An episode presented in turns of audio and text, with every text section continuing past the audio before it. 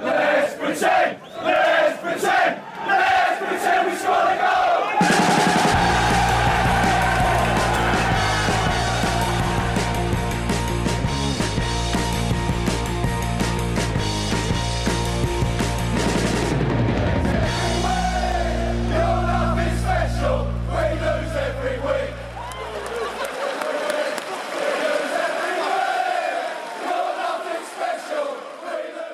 Ja, hjärtligt välkomna hälsar vi då till Sportbladets Premier League-podd. Det är måndag förmiddag. Vi har klivit in i vårt eh, landslagsuppehåll. Eh, International break som de säger borta i England där du befinner dig Frida. Ja, vad ska det vara bra för, tycker ska man. det vara bra för. Men, men man kämpar på. Lite ledigt kanske. Ja, men va- vad ska jag ha ledigt ifrån egentligen? Det är ju det enda, det enda som existerar i min värld är fotboll. Så har jag ingen fotboll att titta på så det blir inte så lockdown på det. Det blir inte så, det blir inte så mycket eh, annat gjort. Två, två stilla veckor här för, för Frida är det vi har att eh, förvänta oss helt enkelt. Jag får se om jag lever sen. Det lät ju upplyftande nu när vi drar igång podden. Alltså det är lite dramatiskt bara för att det är landslagsuppehåll kan jag tycka. Ja, jag, är- Jag har hört mitt många som klagar men ingen som, ingen som riktigt har ifrågasatt huruvida man ska överleva. Nej, Eh. precis. Ingen tänker på oss. Eh, Kalle, mår du bra i Västerås? Ni har börjat vinna lite fotbollsmatcher. Ja, det har vi gjort sent om sidor. Eh, Så Ja. det är ju roligt. Livet underlättas av att vinna snarare än att förlora. Frida har ju också fått jubla över en seger här får man ju säga. Ja, det har jag.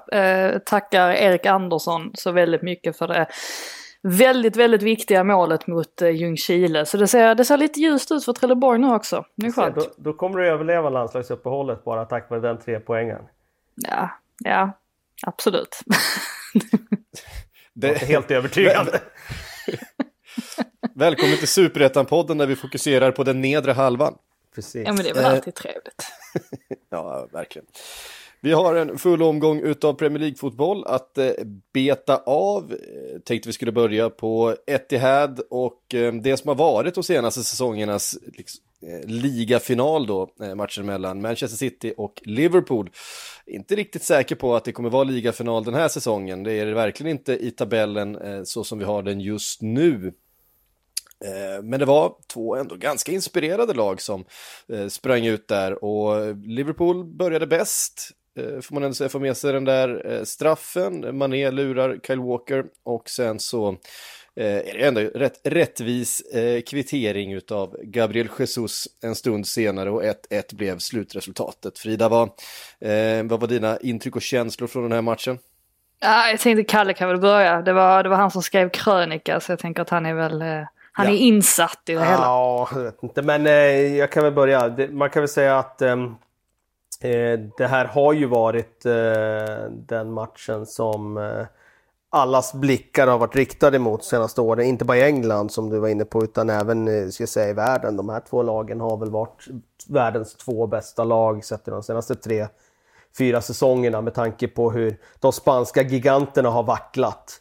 Eh, och eh, nu kom ju Liverpool till spel med en väldigt stukad trupp. De saknade Fabinho, de saknade van Dijk, de saknade Thiago och eh, Jürgen Klopp valde faktiskt att spela med två man mittfält vilket var eh, intressant i sig att han då startar med alla sina fyra offensiva spelare och Jota fick chansen från start i en stor match. Och det har han ju förtjänat sett till att han har gjort det väldigt bra senaste tiden. Eh, det var bara intressant att Eh, man väljer att spela på det sättet i den här typen av match mot Manchester City. Det säger väl någonting om eh, Klopps ehm, vilja att på något sätt skruva och förändra, utveckla Liverpool. Det säger väl också någonting om att han bedömer väl att Manchester City även inte är lika skräckinjagande längre som de var för ett par år sedan. Det är tveksamt om han även med dessa förutsättningar, det vill säga utan Fabinho, hade startat med två man i mittfält då. Eh, då är känslan att City hade kört över Liverpool. Men, eh, Hade de haft en Fernandinho som för ett par säsonger sedan, då är jag rätt säker på att Klopp inte hade ställt upp med, med, med två utan med tre. Löpande Möjligt, mittfältare. men eh, även utan Fernandinho så, så, så tror jag liksom bara Citys passningsspel på den tiden hade, hade varit för bra för Liverpool att hantera med två mittfältare. Men de gjorde det ju väldigt bra inledningsvis tycker jag. Eh, imponerande med tanke på att de har varit ett 4-3-3-lag så länge. Att bara styra om, komma så rätt i pressen som de gjorde inledningsvis. Men sen blev det ju faktiskt ett eh, ganska tydligt eh, eh, momentum i matchen när Kevin De Bruyne till slut fick vända upp med bollen. Så då skapade han målet. Eh, fin vändning av Jesus såklart, men eh, det var ju tydligt att det var första gången som Kevin De Bruyne verkligen fick kontroll på bollen i ytan mellan mittfält och backlinje. Och sen skapade han straffen och precis efter målet förresten hade han ju ett till läge där, där han sköt precis utanför. Eh, I övrigt var inte Kevin De Bruyne så lyckad i den här matchen som vi är vana att se honom. Inte bara för straffmissen utan jag tyckte att de... Eh, han var lite... Eh, eh han var lite slarvig på ett sätt som han inte brukar vara. Eh, men eh, Liverpools start sen eh, var ju City eh, tillbaka i matchen efter en halvtimme efter kvitteringen där och sen tycker jag att de var det bättre lag i andra halvlek. Men jag tycker samtidigt att man får imponeras av Liverpool med tanke på de förutsättningarna de har tre tunga bärande spelare borta. Trent går av i andra halvlek med skada. Vi kan komma in på det med sen. Men jag tycker att åka dit och plocka 1-1 med de förutsättningarna är ju riktigt, riktigt starkt. Jag tycker att de fortfarande ser ut, i min värld, som trots skadorna som eh, klar favorit.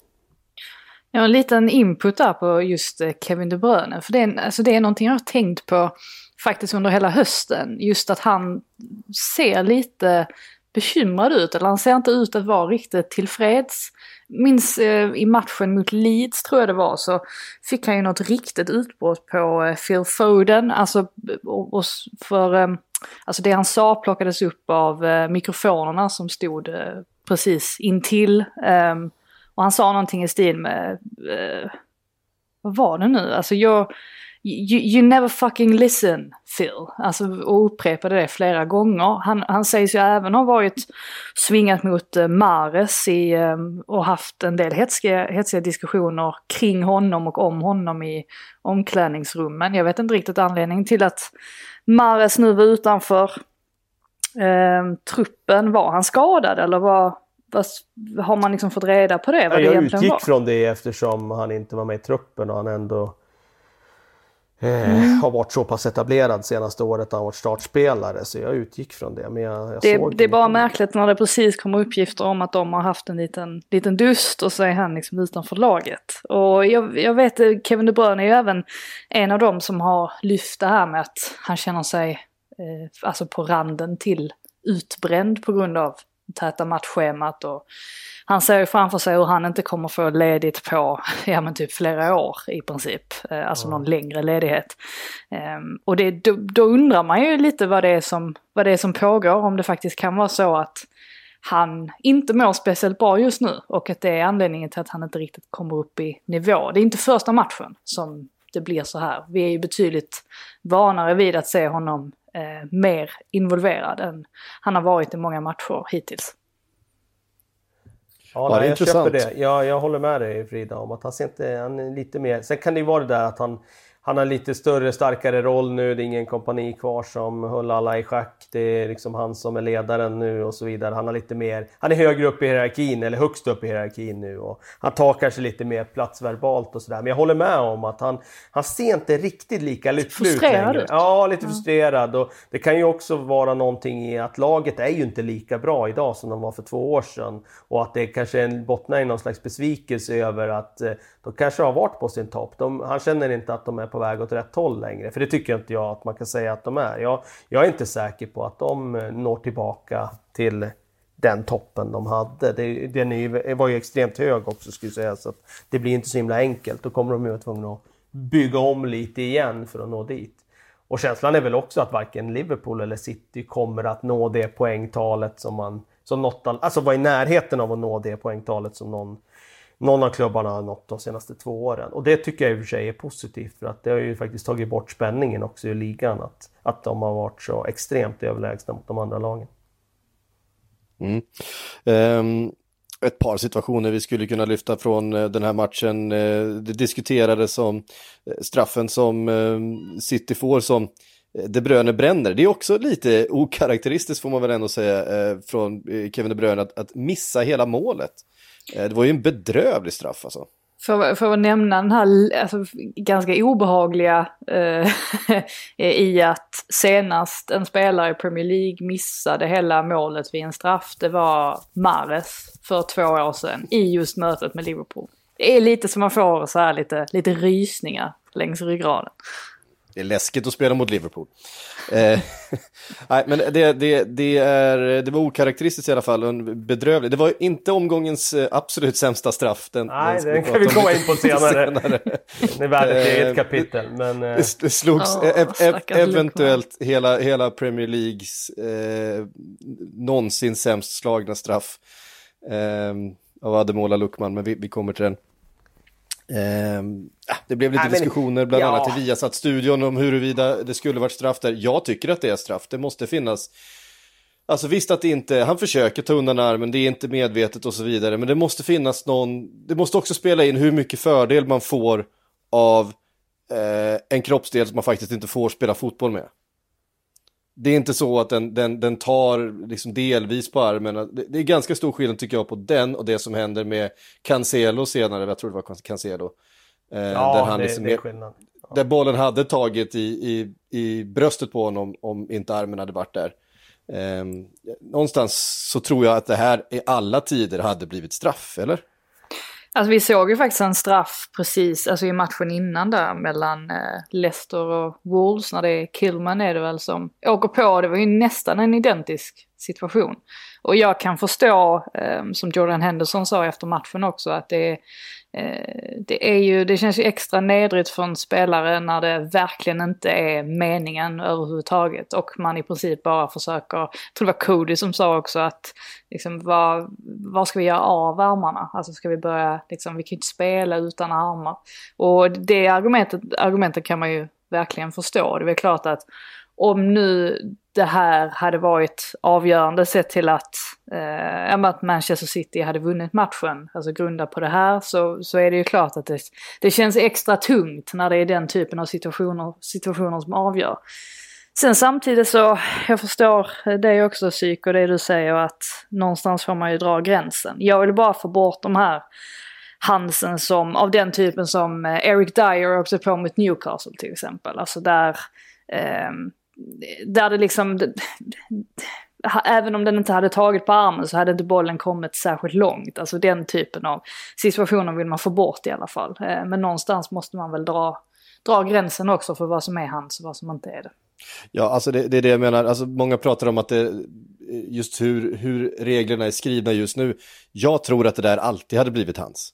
I alla tider. Alltså där, den där typen av hands tycker jag man har sett så länge jag har sett på fotboll. Oh. Det är kon Möjligt om vi går tillbaka till när du och jag var väldigt unga, Patrik, vilket är länge sedan nu för tiden. Eh, när man hade den här tolkningen med boll söker hand snarare än hand söker boll. Det är möjligen där att det inte hade blivit. Jag, jag, jag kan se, jag tänkte ta upp det faktiskt, att jag kan se framför mig att man, eh, det, det, kommer inte ske, men jag hade gärna sett att man går tillbaka till den tolkningen. Jag tycker den var ganska bra. Nu med tanke på hur mycket dividerande det blir varenda vecka om de här mm. vinner hans eh, straffarna. Att man går tillbaka till att ja, men hand söker boll, boll söker hand. Den distinktionen emellan. För det, jag tyckte inte den var jättesvår. Och det är klart att det blev någon feldömd straff här och där, men det kommer det ju bli även framöver. Men eh, jag tyckte den var ganska bra den tolkningen. Eh, för då, då får man ju bort de här när man skjuter ett inlägg på en arm som bara finns där. Mm. Då är det boll som har sökt hand snarare. Eh, jag tyckte den var ganska bra faktiskt. Men jag vet att den inte kommer komma tillbaka för det är inte dit fotbollen rör sig just nu. Nej, jag menar bara att det, det finns något mentalt i hur Eh, alltså bedömningen görs ju inte helt utifrån en eh, hur, hur regeln är formulerad, den görs ju också någonstans hur tydligt någonting är, hur pass mycket effekt det blir av någonting. Det, det, det kommer alltid spela in och här blir det ju eh, Eh, totalt, han stoppar inlägget helt och hållet med en, en, del av kroppsdelen, eller en del av kroppen som man inte får spela med. Eh, men skitsamma, vi ska inte fastna där. Den, straffen missades ändå. Eh, 1-1 slutade matchen och eh, jag tror båda lagen är, är okej okay med det resultatet eh, sett till hur matchen... Eh, det är klart City med tanke på att de hade den straffen vid ställningen 1-1 eh, kanske grämer sig lite mer än vad Liverpool gör. Men det, det var en, liksom en jämn match och, och eh, inget av lagen... Alltså det, det skapades ju målchanser såklart. Eh, vi hade ju en där, eh, Alexander Arnold, skott på nära håll som som eh, Ederson till slut fiskar upp då bakom sig när Jota är där och hugger på returen. Men och något skott som, som går strax utanför, men jag tror att det är 1-1 är, är taget av båda de här lagen. Eh, ja, något, alltså det, något det, det vill säga? Ja, alltså det, bara tänker på det här att vi fick se verkligen en alltså extremt sprakande första halvlek kontra då en ganska så sömnig andra halvlek. Det är väl så det kommer att bli nu under säsongen, alltså i och med att um, Nej men alltså att de, de har eh, mycket matcher att spela och många trötta ben och eh, vill inte riskera för mycket skador och så vidare. Alltså att det, matcherna kommer liksom avta i, i, intensitet oftare än vad vi är vana vid. Eh, dessutom då med ingen publik på läktaren. Eh, sånt eh, är ju trist för oss som, eh, som tittar på det. Men eh, man har ju full förståelse för att det kommer bli så. Och är så. Ja, vi rör oss från Etihad då till Goodison där Everton tog emot Manchester United. Ett eh, pressat United. Vi pratade om det i förra veckan att det var nog tvunget att bli tre poäng här om man inte skulle hamna för långt efter. Och, eh, tre poäng blev det, som det brukar när eh, kniven är mot strupen för Ole Gunnar. Då plockar han fram eh, den här, eh, vad heter det, performance eller på att säga, nu pratar jag engelska. Eh, prestationen ur, ur sin trollerihatt kommer den. Du så internationell. Får, också, får ju också konstatera att eh, när Bruno Fernandes är bra så är Manchester United bra. Eh, för han var bra i den här matchen. Ja, nej men så var det ju. Um, och precis som du säger så är det någonting vi har börjat vänja oss vid att får han bara eh, lite utrymme eh, och lite hjälp av lagkamraterna så slutar det oftast med att Manchester United vinner den typen av matcher. Sen med det sagt så får ju Everton en riktigt bra start här i och med att Bernard drar in 1-0 i 19 minuten var det väl. Eh, egentligen ur ingenting får man säga, det är väldigt bra gjort eh, från Bernard som tar emot den här lilla nickskarven från eh, Carrot Lewin eh, och dra in 1-0. Var väl alltså bara minuten efter att Anthony Martial väl borde ha gjort 1-0 eh, till United men hans avslut gick tätt utanför stolpen. Och sen är det som att Everton visar upp alltså alla sina skavanker ehm, eh, resten av den halvleken. Och det blir ju väldigt eh, tydligt här att eh, Richarlison Eh, alltså betyder ju alltså, ohälsosamt mycket för dem, får man ändå säga. Att, alltså, det, Eh, det, det, det, blir väldigt tydligt att det är någonting som fattas i alla fall, trots då att eh, Chames och eh, Dinj var tillbaka nu. Som, de missade ju de tidigare matcherna. Men det, det, det är ändå som att inte, någonting stämmer inte riktigt och framförallt inte försvarsmässigt då. Coleman hade ju jättejobbigt på sin högerkant mot Luke Shaw. Och det är också Luke Shaw som ehm, eh, får in inlägget där till Fernandes 1-0 mål. Fernandes får ju stå helt omarkerad också när han nickar, vilket man väl kan fråga sig vad Holgate och Keane eh, egentligen eh, sysslade med. Och den här ytan precis framför backlinjen och precis utanför Evertons e egna straffområde där lämnades ofta helt fri och det var ju faktiskt så som 2-0 målet kom till när Rashford plockade upp den och sen så är det Fernandes som ska väl egentligen, det är väl kanske tänkt att vara något sorts inlägg mot Rashford men den går rakt i, i målet istället. Eh, och då blir det ju blir det att jaga för Everton i andra halvlek och det är ju Manchester United ganska bekväma med ändå. Så även om Everton hade en del chanser och sådär så eh, är det ju ändå någonting som United eh, trivs med. Eh, så att, eh, ja, vad ska man landa i det här? Det är ju klart att det, alltså för Manchester Uniteds del så var det jätteviktigt att få, få med sig tre poäng, men jag vet inte hur, eh, alltså hur övertygande den här segern är, alltså sett till alltså hur mycket ska man bortse från allt det andra.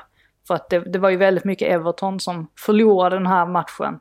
Eh, och det återstår fortfarande många frågetecken kring just eh, United och, och deras eh, kapacitet. Men nu verkar det väl som att han vill spela med Fred och Scott McTominay där som defensiva mittfältare. Eh, jag är väl inte riktigt övertygad om att det eh, är hållbart i längden men eh, det är så det ser ut just nu i alla fall.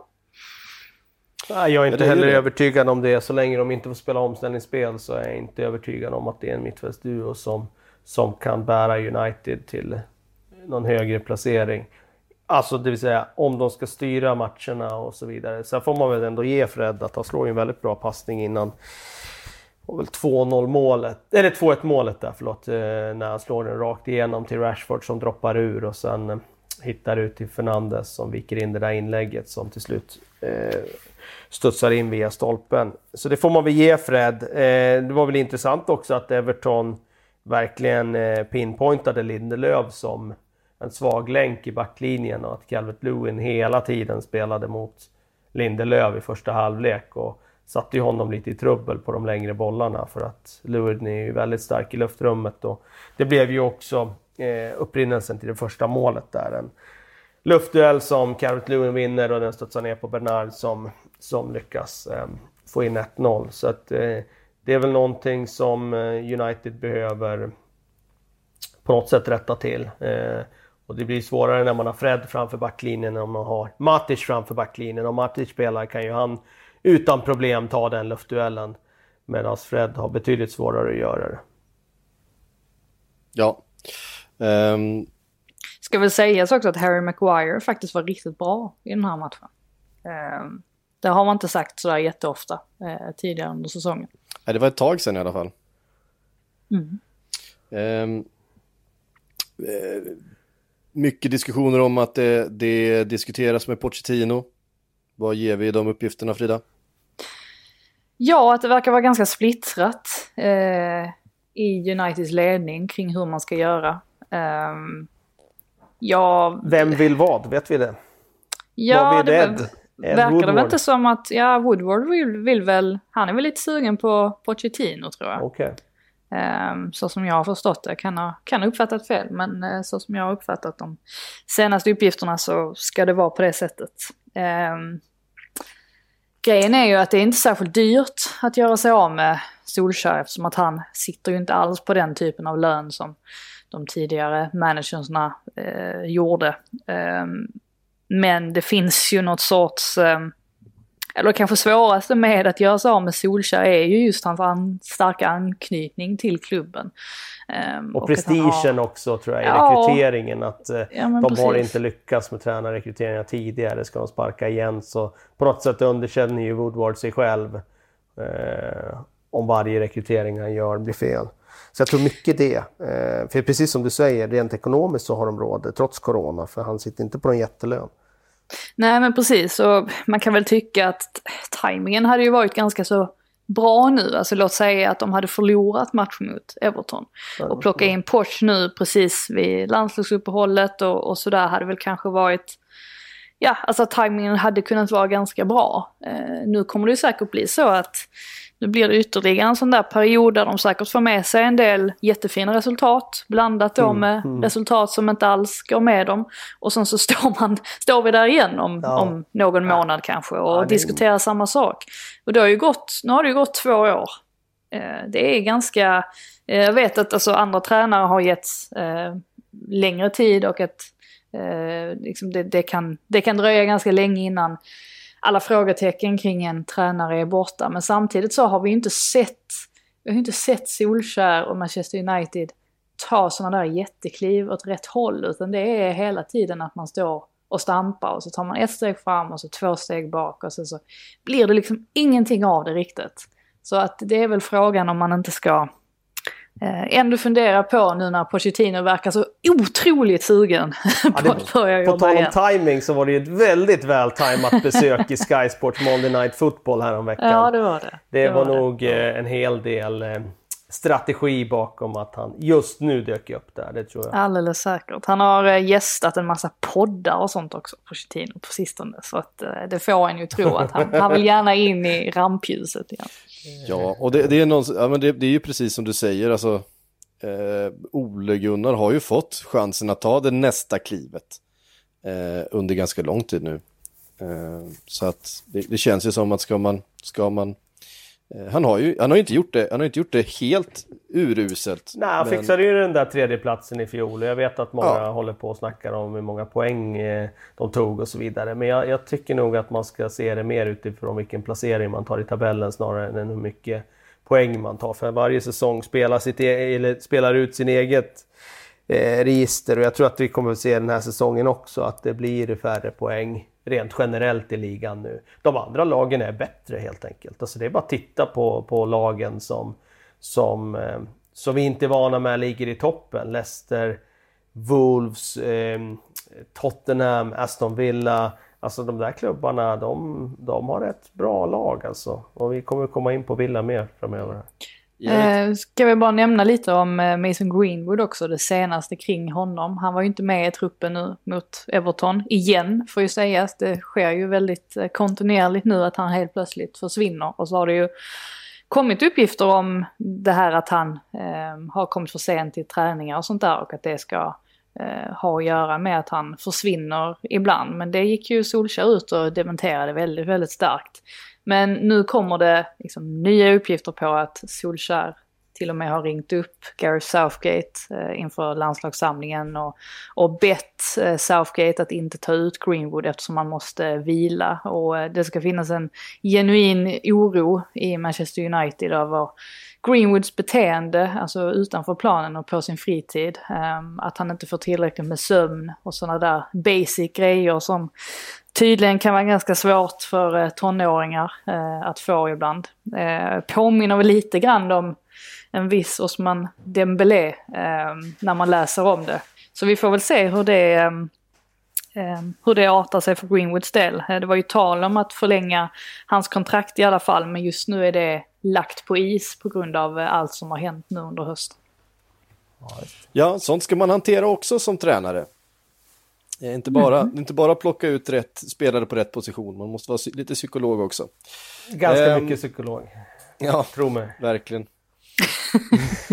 Jag känner att det är någon story bakom det. Nej, men, nej, absolut inte. Utan det är bara ett konstaterande. Du måste vara mer psykolog än vad du, vad du än, än att eh, ta ut startelvor, det kan jag säga. Ja. Ehm, på tal om psykologi så tar vi oss till eh, Emirates Ja, och eh, eh, den genomklappningen får man väl ändå säga att Arsenal stod för mot Aston Villa.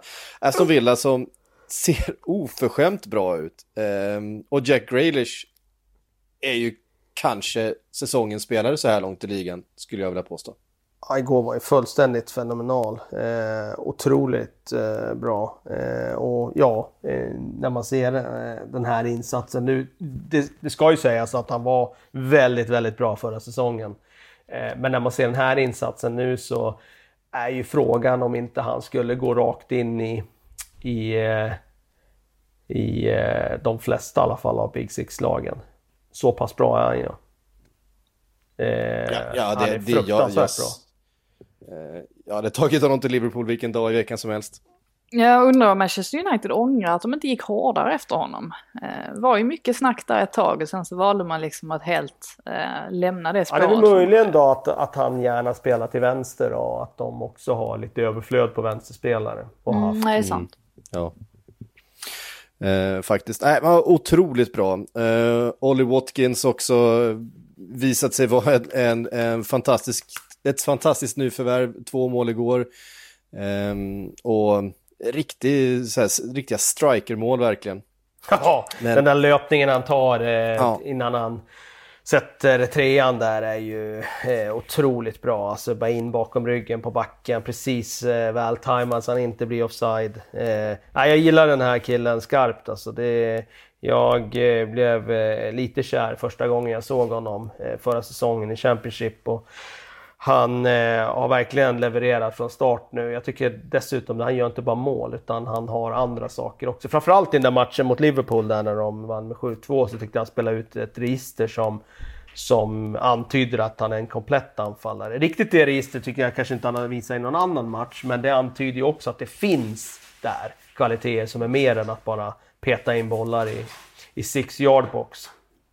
Jag eh, mötte faktiskt eh, John McInn eh, igår morse när jag skulle Vad in och trevligt. handla mitt morgonte. Ja, alltså för att varje gång som eh, eh, ja, när, när någon ska, eh, alltså motståndarlaget som möter Arsenal, de bor på ett hotell som ligger precis intill byggnaden där jag bor.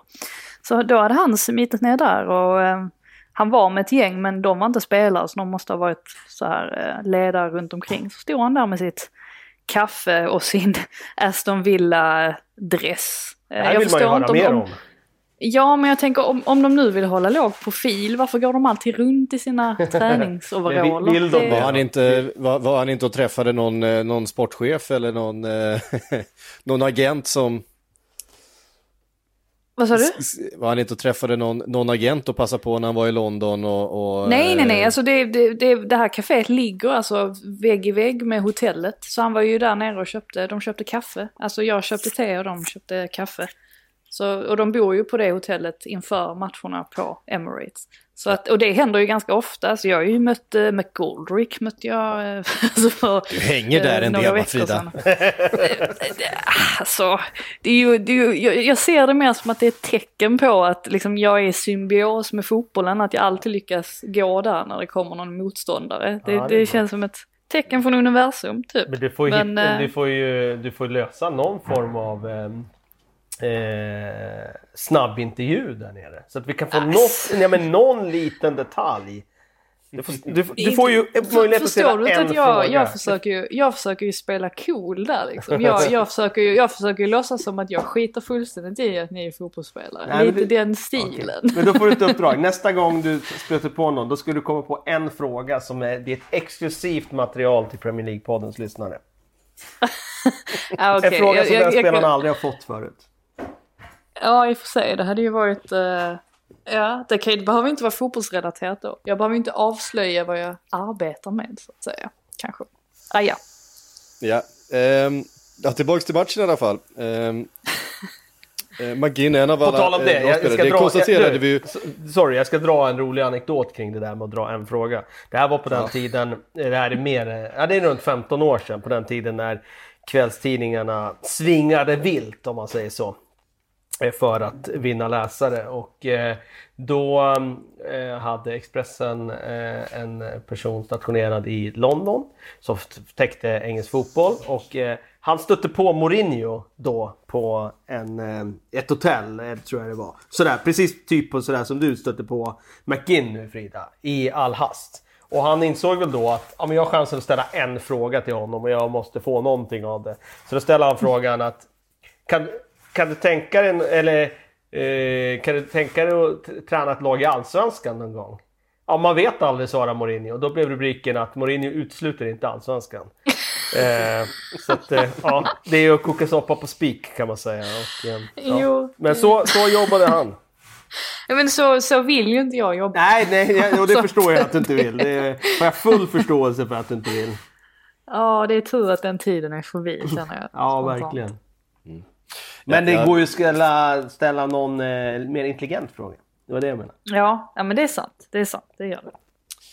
Ehm, jag, eh, ja, jag får väl också slänga in den då, det hade ju inte med det att göra, men jag satt på ett, en restaurang i Frankrike för en herrans match och in kommer eh, Alex Ferguson, det här är kanske en eller två veckor efter att, nej det är nog lite mer, tre veckor efter att Premier League-säsongen precis har tagit slut, det är 2008 så att Manchester United har precis vunnit titeln och vi sitter på den här restaurangen och in kommer Sir Alex Ferguson och sätter sig rygg mot rygg med mig på bordet bredvid. Det här har du aldrig berättat. Eh, då spenderar jag eh, ja, hela den middagen med att så här, ska jag säga något, ska jag säga något, ska jag säga något, ska jag säga... Det gjorde jag såklart inte, eftersom jag är en fegis. Men eh, han Jag, satt jag, där i tror att det, jag tror att det är bra att vi levererar så här många anekdoter eh, för Arsenal-fansens skull så att vi aldrig kommer in på Precis, nu är vi klara med Arsenal Aston Villa här. Nu går vi vidare. Nu går vi vidare.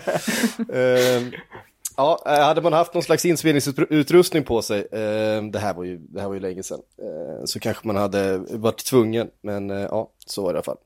Eh, Arsenal hade två skott på mål i den här matchen och det var mittbackar som eh, stod för dem. Väl, eh, jag minns i alla fall den, nej, den var utanför va?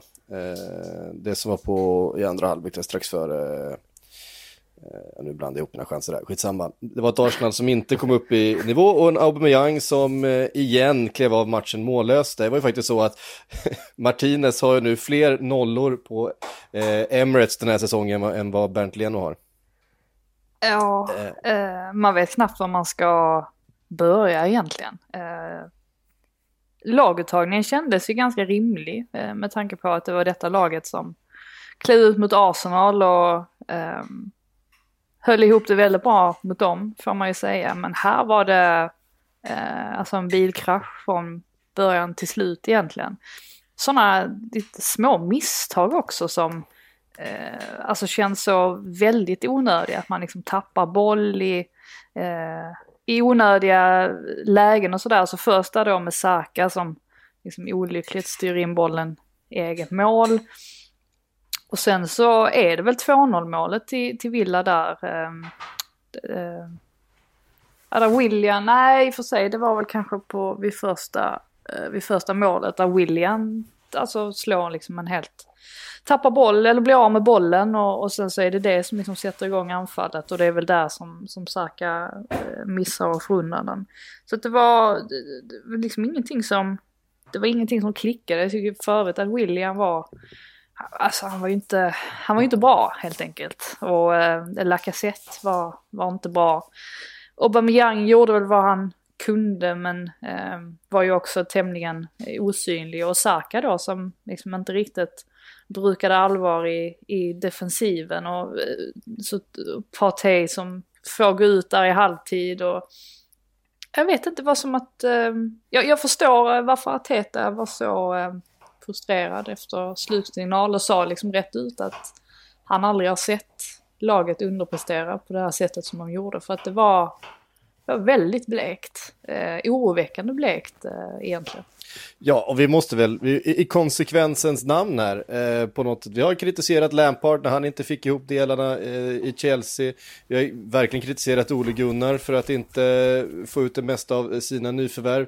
Nu har Arteta fått in en parti för jättemycket pengar. De har fått in Gabriel som är en duktig mittback. Han har eh, signat nytt med Aubameyang och så vidare. Han har alla de här bitarna som han har på något sätt krävt på plats nu är det dags att leverera och det gör han ju inte.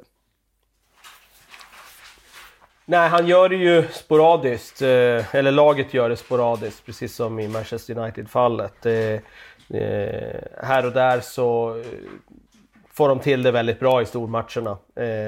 De har blivit bättre defensivt, men de har ju uppenbarligen större problem när de möter lag där de inte får ja, spela försvarsspel tight och ställa om och så vidare. Utan när de själva ska driva matcherna så, så är det svårt på sista tredjedelen. De hade ju lite chans i första. Jag tycker Lacazette ska ju framförallt borra in den där nickläget ja. han får. Det måste han ju göra. Och i det läget är det klart 1-1 kanske tar matchen, tänder till Arsenal på ett annat sätt. Men Sätter vi hela matchen så är Villa mycket, mycket bättre. Hela andra halvlek är de bättre. Eh, och det hade ju kunnat bli större siffror än så här faktiskt. Och det, det är ju såklart oroväckande för den defensiven som annars har fått beröm i Arsenal. De hade väl släppt in minst mål i ligan fram till den här matchen men eh, nu eh, eh rann det in tre och det hade kunnat rinna in fler.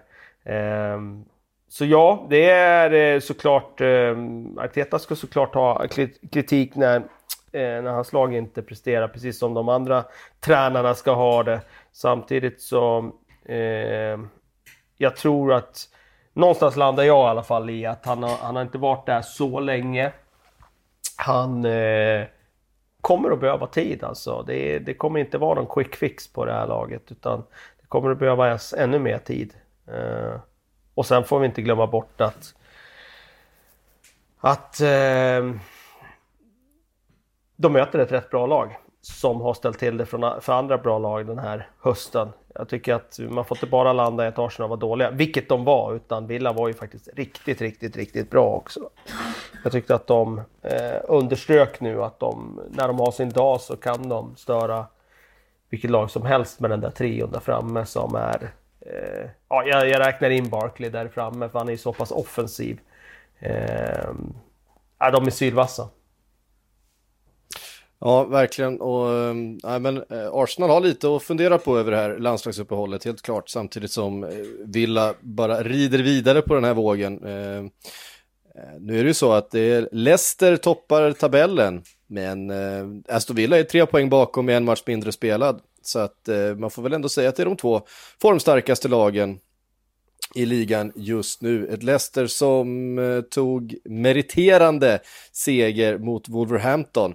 Eh, det var de här två lagen som vi diskuterade förra veckan Frida, vilket som kommer klämma sig in där. Men, men eh, jag, jag vägrar, jag, jag vann, vägrar jag vann nej, vill jag nej, då nej. bara peta in. Absolut inte, absolut inte. Jag vägrar att se mig besegrad här. För att såg man matchen så vet man om att Wolves borde åtminstone ha fått med sig någon poäng. Så inga guldstjärnor i tabellen Frida? Nej, nej, absolut inte. Men det är ju en olycklig hands där på Killman som leder fram till Jamie Vardys mål. Och sen missar ju... Nej, så var det inte alls? Eller vilken... Nej, det var, vilken var, det var straffen som... Eh...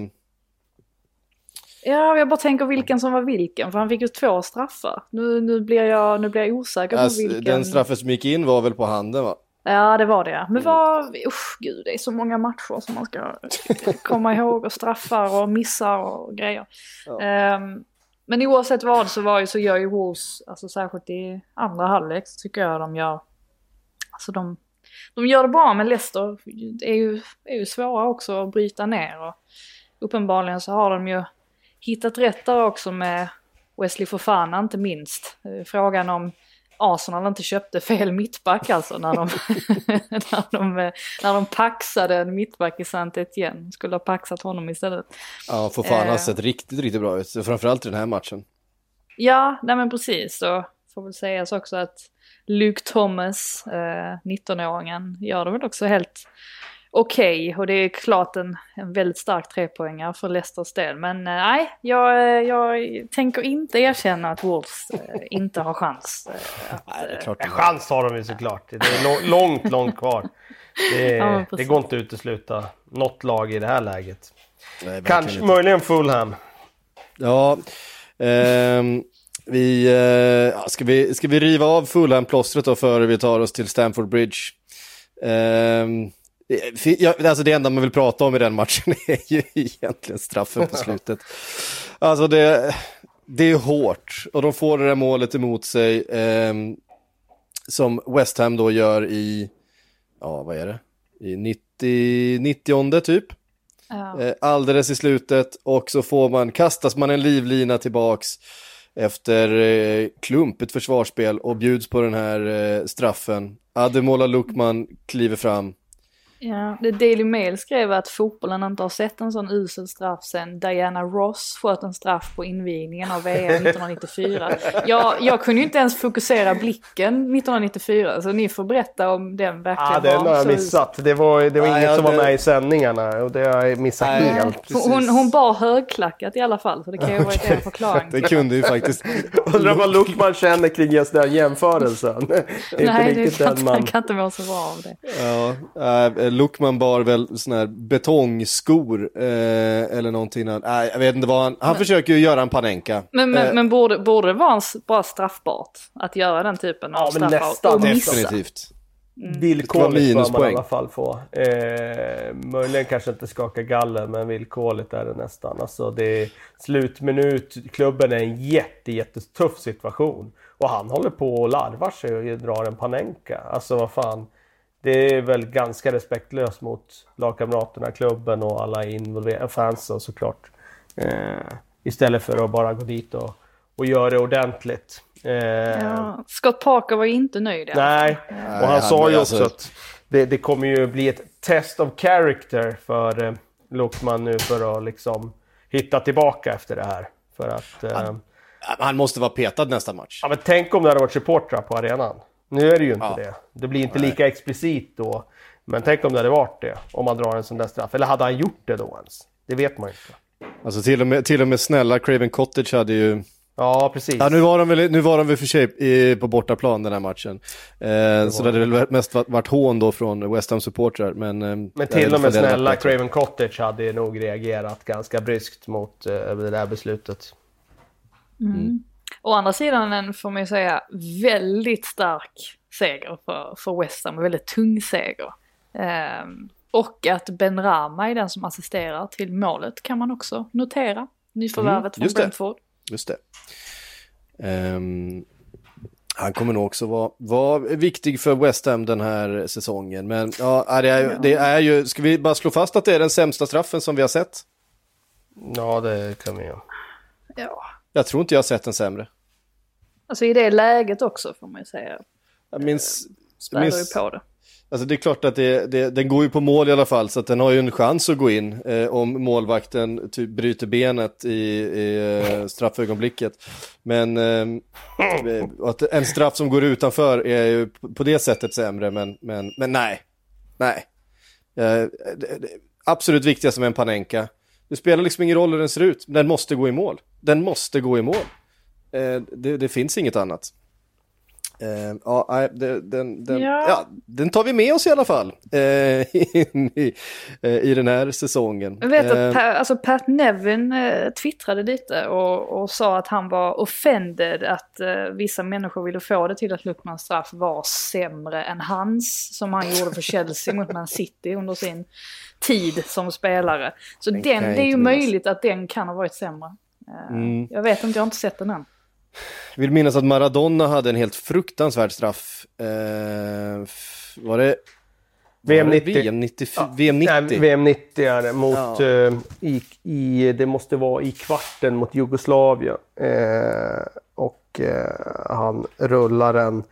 Och målvakten lägger sig bara och tar en otroligt eh, mjäkig straff. Sen är ju Maradona så otroligt kall så att han i semifinalen mot Italien lägger ungefär en liknande straff men rullar den, då åt andra hållet när Senga slänger sig åt fel håll. Så att då rullar han in den. Och det krävs väl en del nerver för att göra det.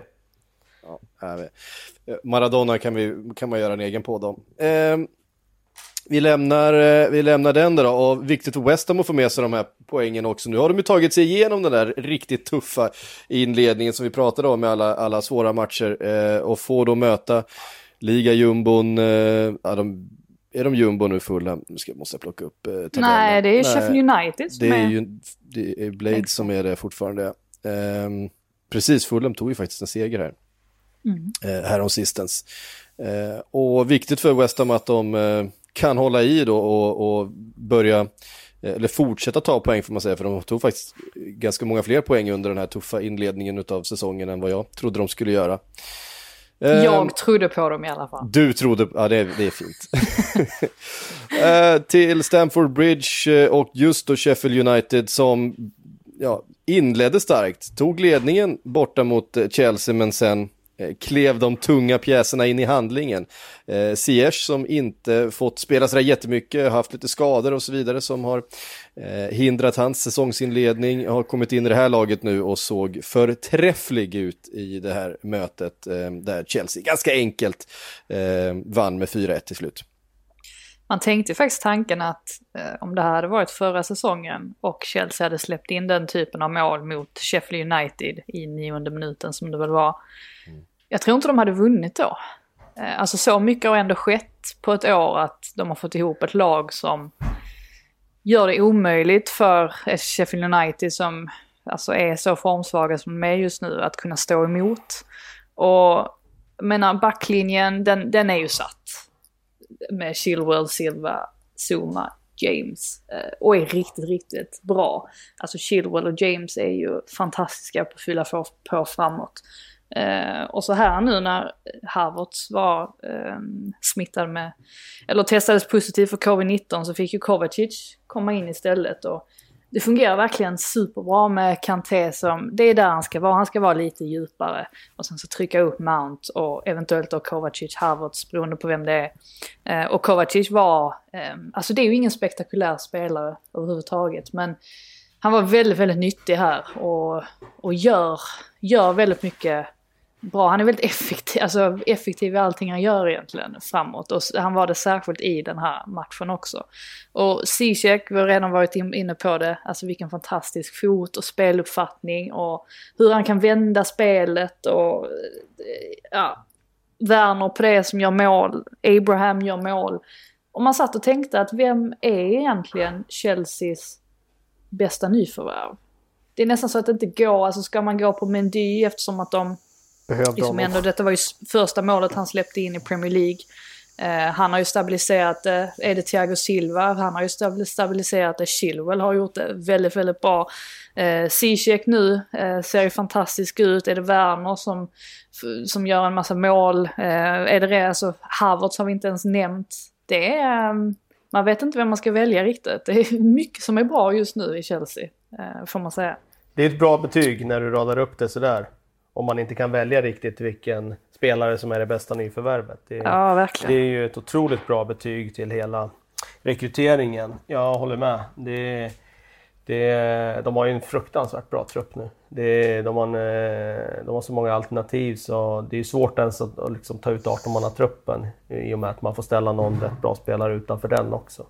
Eh, Ziyech har vi ju sett tidigare vad han är kapabel till men måste säga att den foten han har från, från fasta situationer den är skarpare än vad jag trodde faktiskt. Den är ju brutal. Det känns ju som att Chelsea nu kommer att vara sylvassa på fasta resten av den här säsongen om han spelar och ska vrida in de där eh, skruvade inläggen. Eh, det är nästan som man skjuter in den på huvudet på Thiago Silva på den där hörnan där. Eh, så där kan vi nog räkna med fler poäng eh, Eh, från den foten. Det är så pass mycket kan vi nog konstatera. Mm, Verkligen. Um, Crystal Palace Leeds 4-1. Uh, eh, Bielsas energi och fart saknade man i den här matchen uh, om man var Leeds-supporter. Uh, det, ja, det var inte mycket som stämde och Crystal Palace och, och gammal är äldst i, i Roy Hodgson. Det var någon som sa eh, Roy Hodgson är the thinking man's Bielsa. Jag håller inte Ja. med, men jag tyckte det var roligt sagt.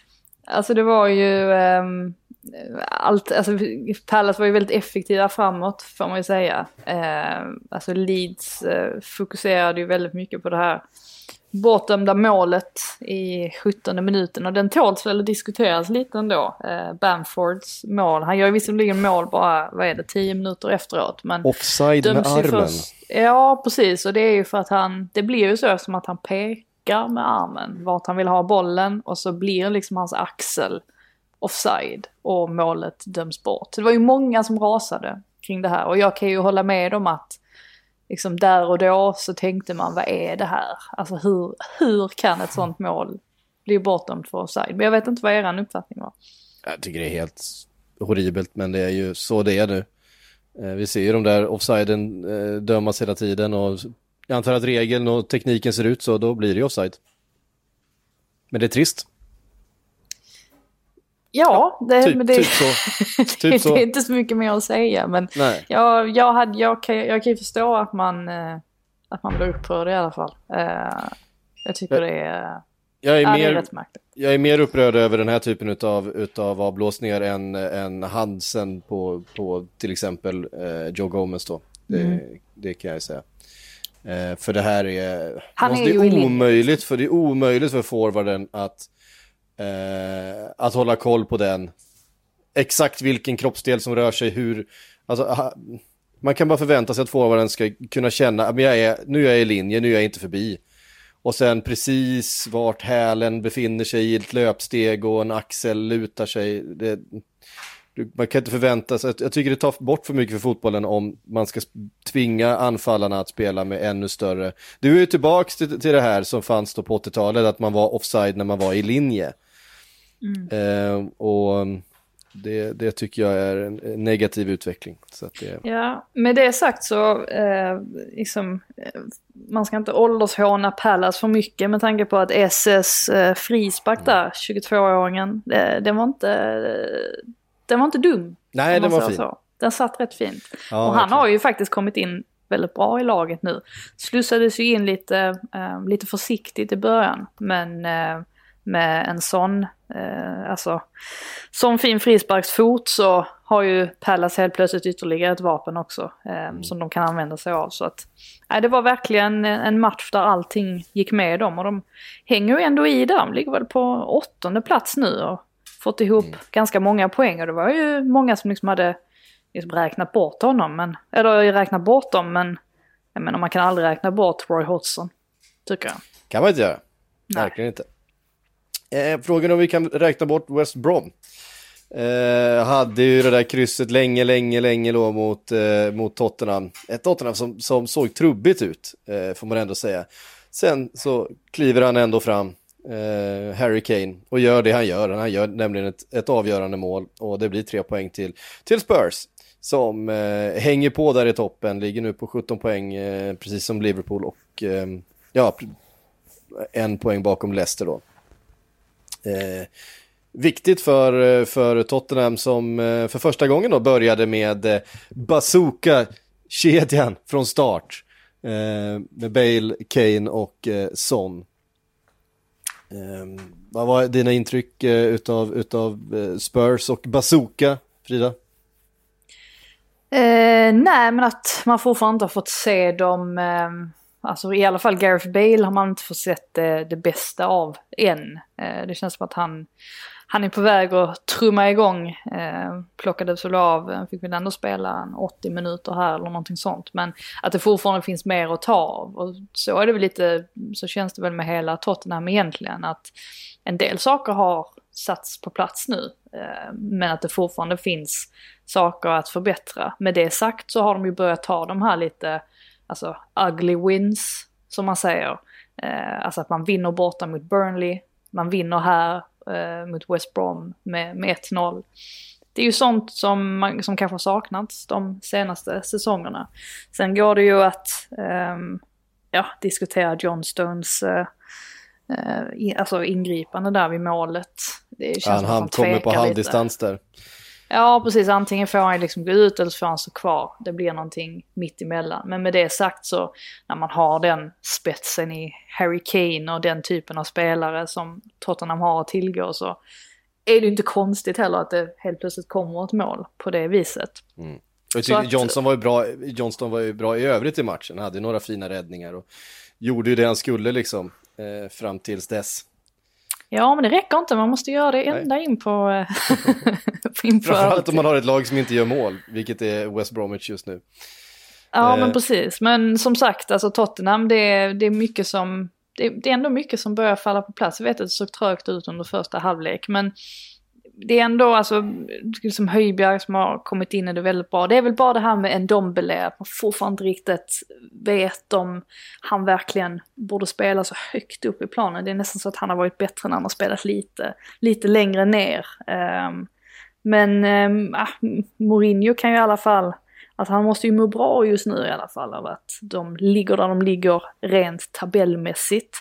Ehm, han ser ju också ut att må rätt bra på sin, sina sociala medier eller på sitt Instagramkonto som, är, som jag verkligen kan rekommendera att alla följer för att det är så, eh, det är så otroligt märkligt med en medelålders man som liksom ska ratta sin, sin in, alltså sitt Instagramkonto. Det är, eh, nej, det är många, många trevliga bilder där. Även det, det är underhållande att följa, eh, helt klart. Um, och starkt också av Tottenham, det här är ju den typen av, vi vet ju eh, Huminson och så vidare, hur starka de är i sina omställningar. Här får de ju inte chansen att ställa om eh, överhuvudtaget eftersom West Bromwich packar ihop så, så lågt. Eh, och, och gräva fram den här segern, det, det, är sånt som, det är sånt som de behöver. Ehm, Ja, man kanske ska lyfta också i West Brom, alltså Krovinovic och eh, Gallagher framförallt. Riktigt så här boy, boyband-namn, Conor Gallagher. Ehm, han såg fin ut. ja, nej, men båda de två ser bra ut jag menar Gallagher är ju bara, han är bara 20 år. Det känns som att där kanske är någonting att eh, hålla koll på i alla fall eh, framöver. Gick, det, gick den i stolpen hans skott där? Ehm, som man har en bit in på andra halvlek. Jag minns inte utfallet riktigt, men jag minns att jag minns nära skottet i alla fall. Ja, det var, det var ett riktigt bra avslut. Eh, och det har man sett. Alltså, han har ju eh, han har sett ganska bra ut de senaste matcherna. Alltså även de där West Brom har, har förlorat. Eh, så att eh, ja, man får hålla koll på honom. Mm. Vi har eh, hyllat Aston Villa och Leicester eh, så här långt i den här sändningen eh, som eh, ja, lite outsiderlag som har eh, sett formstarka och fina ut. Vi måste slänga in Southampton där också såklart. Eh, Southampton som nu ligger på fjärde plats på, på 16 poäng och slog Newcastle med 2-0. Eh, Hasenhüttels gärning verkligen det här gänget och målet av Che Adams och Stuart Armstrong. Det är sådana här spelare som eh, gör det de ska, de gör sina mål, de är nyttiga och de har kvalitet. Eh, men inga liksom högprofilspelare. Det, eh, de, de trummar verkligen på Southampton här. Jo men vad gör Almiron också vid Shea Adams mål kan man ju fråga sig. Absolut. Eh, kändes som att båda målen kom från, alltså kom ur att Newcastle liksom slarvar med bollen. Eh, och det är ju jätteskickligt av eh, Adams och alltså det var jättefint avslut av honom. Och det är såklart skiktet av, av även av Stuart Armstrong att få in 2-0 målet. Men man landar ju lite i att det var, var ett slarvigt Newcastle också som liksom bjöd in Southampton eh, i den här matchen. Och liksom bjöd de tre poängen till dem. Men de är med där uppe. Eh, vi har varit inne på och snackat Hasenhüttel att eh, man tittar Leicester och så vidare så har de ju ett lag fullt med namn. De har sin Vardy, de har Madison eh, och med flera och Aston Villa. Eh, hittar inte riktigt någon, någon sån spelare i Southampton som sticker ut på det sättet. Eh, som en Graylish i Aston Villa till exempel. Men, men de har ett lag som är svårslaget och som tar mycket poäng just nu.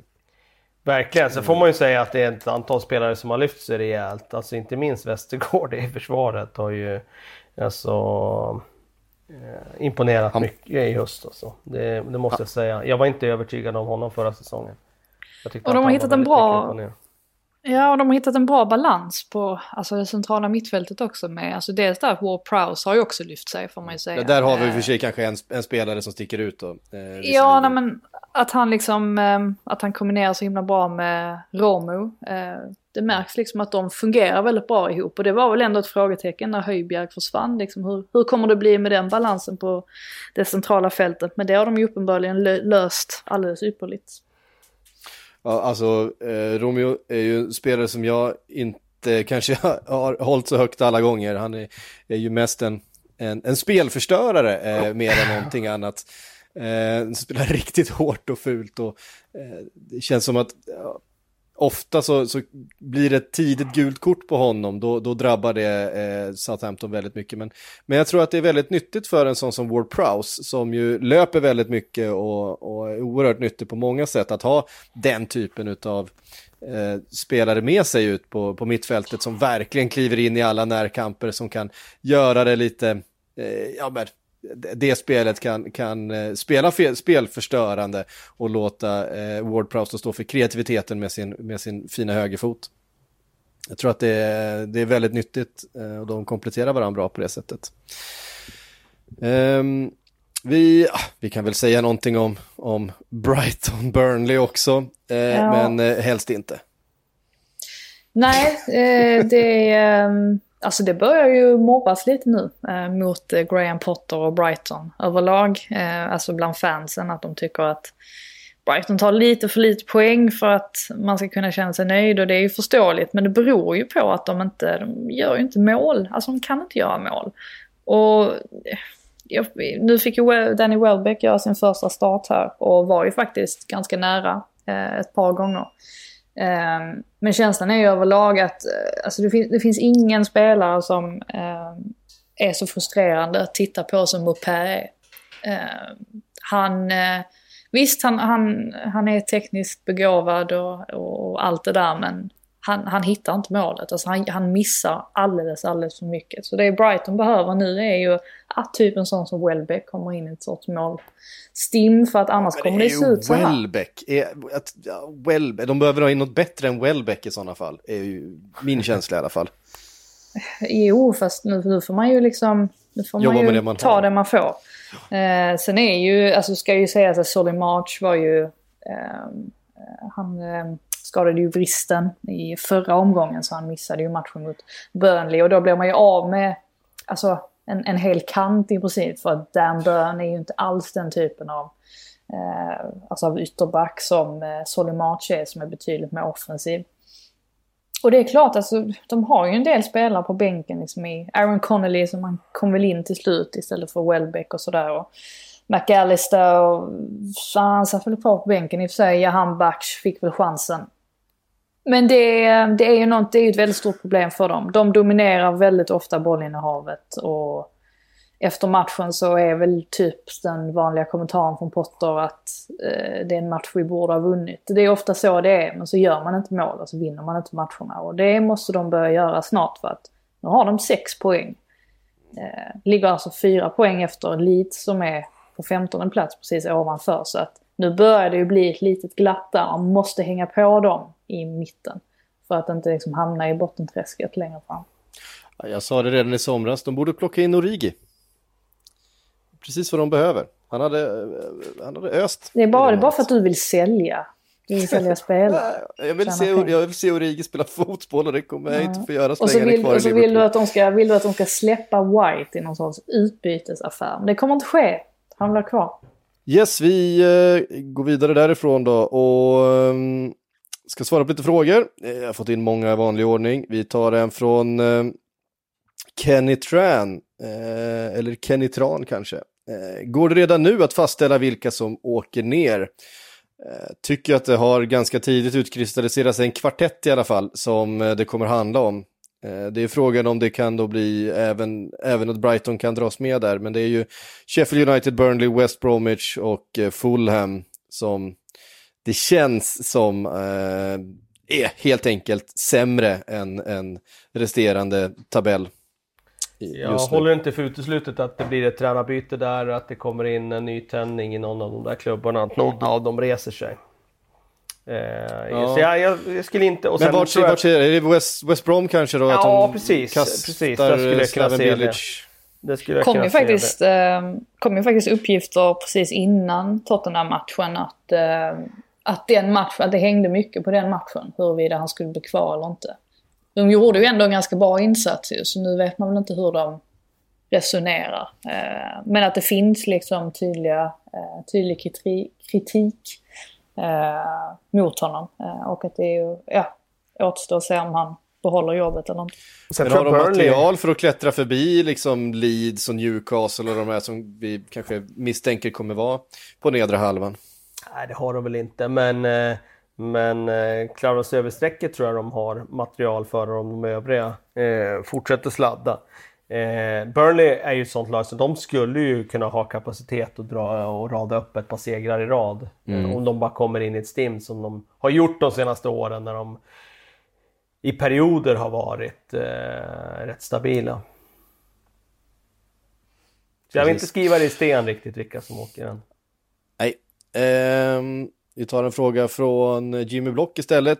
Tror ni på fem byten i vinter? Och hur hade Kalle ställt upp Chelseas mittfält och anfall?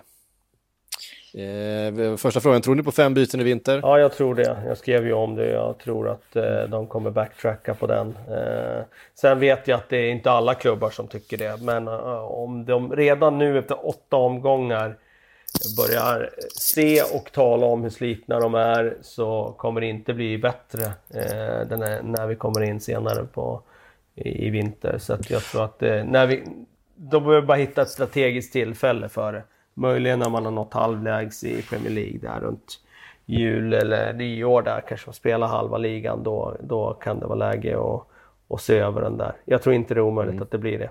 Eh, det var ju... Ja. ja. Förlåt. Jag tänkte bara säga, det var ju inte alla, eh, alltså, eh, det var inte alla klubbar som var emot förslaget heller, av de mindre då. Eh, alltså Brighton var ju en sån klubb som var för fem byten. Ja, och om precis. nu David Moyes också har svängt i frågan. Precis. Så kan man väl tänka sig Villa sa ju att han tyckte att de skulle köra vidare på tre. Men det kanske är också för att de är inne i ett bra moment nu och känner ja. att det kanske ja. inte gynnar dem. Men skulle de åka på någon skada och sådär så kanske de ändrar ståndpunkt också. Vi, vi får se, men jag tror inte det är omöjligt.